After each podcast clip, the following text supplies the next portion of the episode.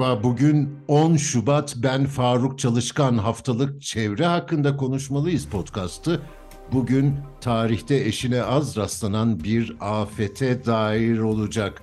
10 il, milyonlarca insan yıkılan şehirler. Tabii ki kurtarma çalışmaları, barınma temini konusundaki çabalar devam edecek ama bu büyüklükteki bir afete çevre açısından bakacağız. İstanbul Teknik Üniversitesi Çevre Mühendisliği bölümünden Profesör Doktor Hayrettin Güçlü İnseli Yeşil Hat editörü Hale Aydoğmuş'la ağırlayacağız. Sayın İnsel katıldığınız için teşekkür ediyoruz. Siz İstanbul Teknik Üniversitesi Çevre Mühendisliği bölümünde çalışmalar yürüten bir bilim insanısınız. Yaşadığımız evet. bu büyük afetin boyutlarına bakınca alanınız açısından hangi meseleleri kritik öncelikli görüyorsunuz? Şimdi aslında e, çok büyük bir afetle karşı karşıyayız. İlk başta e, baktığımızda hani çok kısa e, süreli e, yapılacak olanlar, acil yapılması gerekenler, orta vadeli ve uzun vadeli olmak üzere bunları üçe ayırmak lazım. Hani birinci aşamada e, insanlarımızın, vatandaşlarımızın yaşa, yaşamını sağlayacak bir ortamın sağlanması. Daha sonra da mevcut sistemin artık normal hale dönecek şekilde kademeli halde bir geçişinin sağlanması. Hani çok kısaca özetlemem gerekirse hani bu bir e, altyapı tesislerimiz var. Hani biz e, sonuçta hep üst yapıyla ilgileniyoruz bu kentsel dönüşümle ama sonuçta e, bizim e, hem ısınma, su ihtiyacımız yani yaşamsal faaliyetlerini sürdürebilmemiz için, faaliyetlerimizi sürdürebilmemiz için bu altyapı tesislerine de ihtiyacımız var. Dolayısıyla hani ilk başta şöyle bir şey yapabilirim, e, açıklama yapabilirim hani ilk deprem olduğunda bu felaketle karşılaştığımızda bir kriz durumu oluyor. Hani aslında hepsi bir krizi yansıtıyor ama burada hani su ihtiyacı bir öncelikle yani ısınma ihtiyacı oluyor. Ama e, yani bir şey olarak baktığımızda ondan sonra su ihtiyacı ve e, sağlık açısından gerekli e, imkanların e, ve gerekli koşulların sağlanması durumu söz konusu oluyor. Yani bu üç e, bu kategorilerde inceleyebiliyoruz. Şimdi mesele aslında geçiş dönemleri. Önce barınmanın e, stabil hale getirilmesi ve ondan sonra da sıvı ve katı atıklar var ve e, toplum sağlığı açısından, halk sağlığı açısından da bu aşamada çok kritik adımların atılması gerekiyor galiba.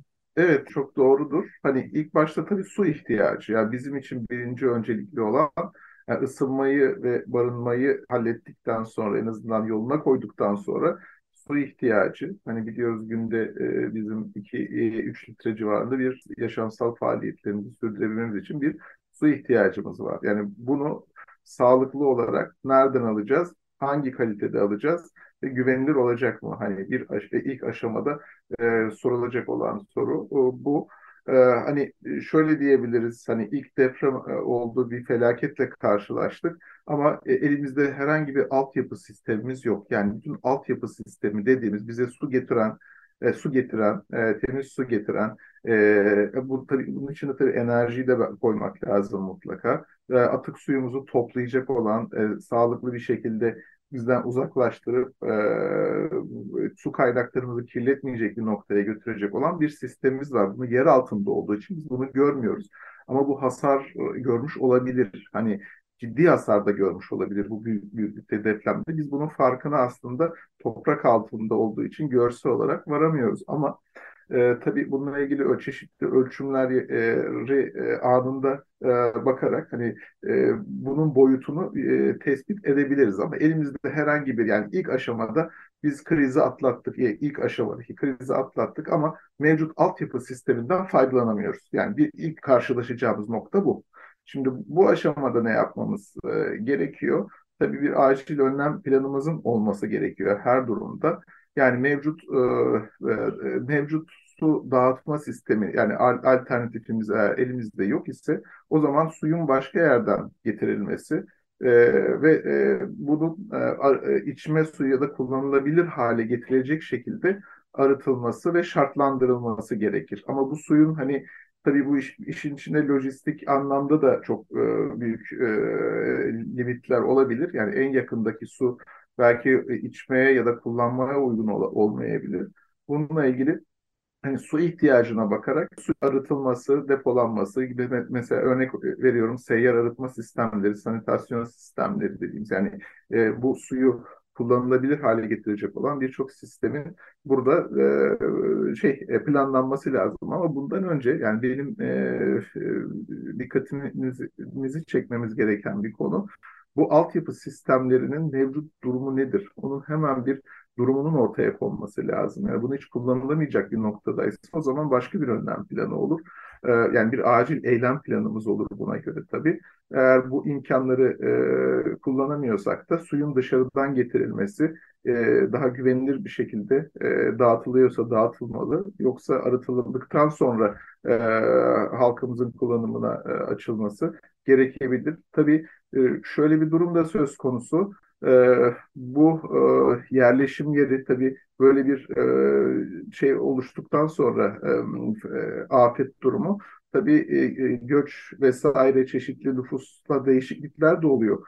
Bunu aslında işte çeşitli tekniklerle ya da araştırmalarla anlık olarak e, bu nüfusun nasıl dağıldığını, bu merkezlerin yani su dağıtımının ya da suyun depolanması ve güvenilir su kaynaklarının en aş birinci aşamada nasıl dağıtılması gerektiğiyle ilgili belki merkezler e, kurulabilir, küçük merkezler kurulabilir.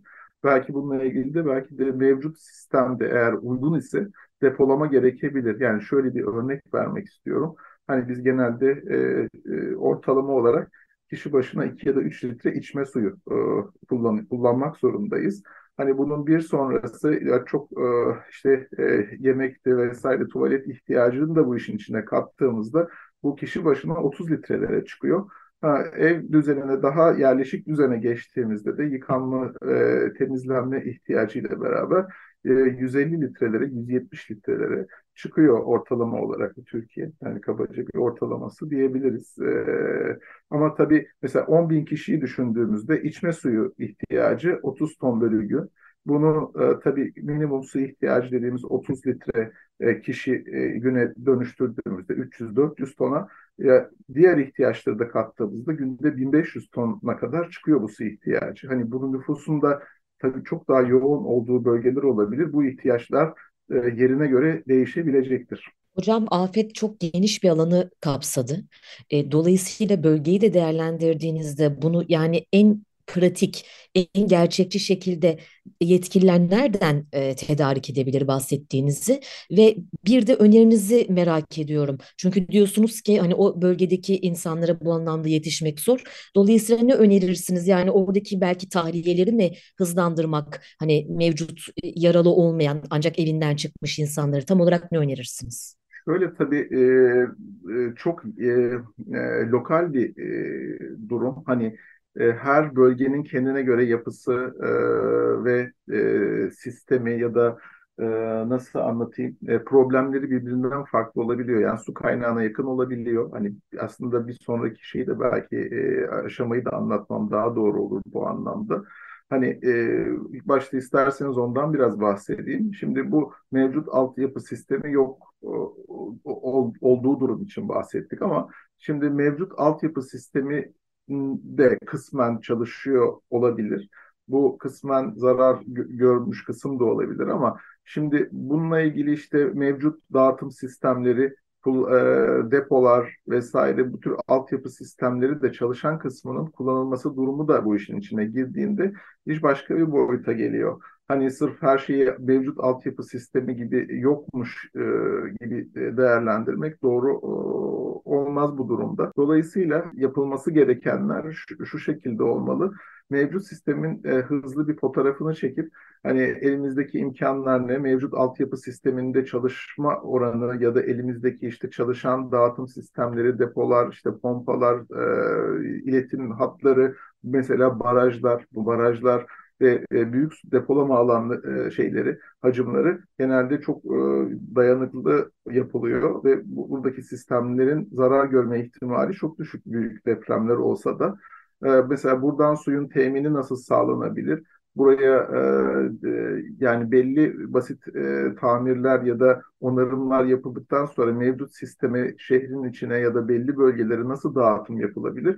Bunu da entegre etmek lazım. Yani dolayısıyla mevcut altyapı sisteminin çalışmadığı yerlerde farklı bir yaklaşım, demin bahsettiğimiz yaklaşım, mevcut altyapı tesisinin çalıştığı, kısmen çalıştığı bölgelerde daha farklı yaklaşımlar yapıla, e, yapılabilir. Ama dediğim gibi hani eğer e, herhangi bir altyapı sistemi çalışmıyorsa ya da e, bununla ilgili bir ener, enerji ya da sistemi çalıştıracak bir şey yoksa tabii daha kritik bir e, noktaya e, getiriyor e, konuyu ve problemleri. O zaman dışarıdan suyun temini ve içilebilir hale getirilmesi e, olabiliyor. Hani bunu bölge olarak ya da şehir olarak e, mevcut sistemin durumunu yani bölgesel olarak ortaya konması lazım. Hani bunun tek bir çözümü de aslında yok. Hani bunların bu bahsettiğim konuların işte altyapı sisteminin kullanılması, kullanılmaması, suyun dışarıdan getirilmesi, arıtılması aslında birden fazla kombinasyonu içerebiliyor. Belki bunlardan oluşan bir e, şey çözüm önerilebilir ama e, öncelikle o bölgenin ihtiyacı ve ne yapılması gerektiğiyle ilgili mevcut altyapı sisteminin neye müsaade ettiğiyle ilgili durumun ortaya konması yani mevcut durumu ben açıkçası yani bilmiyorum ama e, saha koşulları bu bahsettiğimiz koşullardan çok daha farklı olabilir. Onun için e, bunları göz önüne alarak bir e, bölgeye uygun ya da araziye uygun yerleşimlerle beraber enerji nakil hatları ya da enerjiyle ilgili koşulları da göz önüne alıp barınma da aynı şekilde e, bunları değerlendirmek lazım. Yani şu da bir gerçek. Şimdi bu altyapı sistemlerin hepsine entegre ediliyor normalde ama barın, barınmanın olduğu yerden uzak bir yerde su teminini yapamayız, veremeyiz. Dolayısıyla bu hepsinin, bu sistemlerin e, hem ısınma, hem barınma, hem su ihtiyacını karşılayacak lokasyonların birbirine yakın ve, ve çok iyi planlanması gerekiyor e, bölgesel bazda. Profesör Doktor Hayrettin Güçlü İnsele ve Yeşil Hat editörü Hale Aydoğmuş'a çok teşekkür ediyorum. Bizi hangi mecrada dinliyorsanız orada abone olmayı lütfen unutmayın. Hoşçakalın.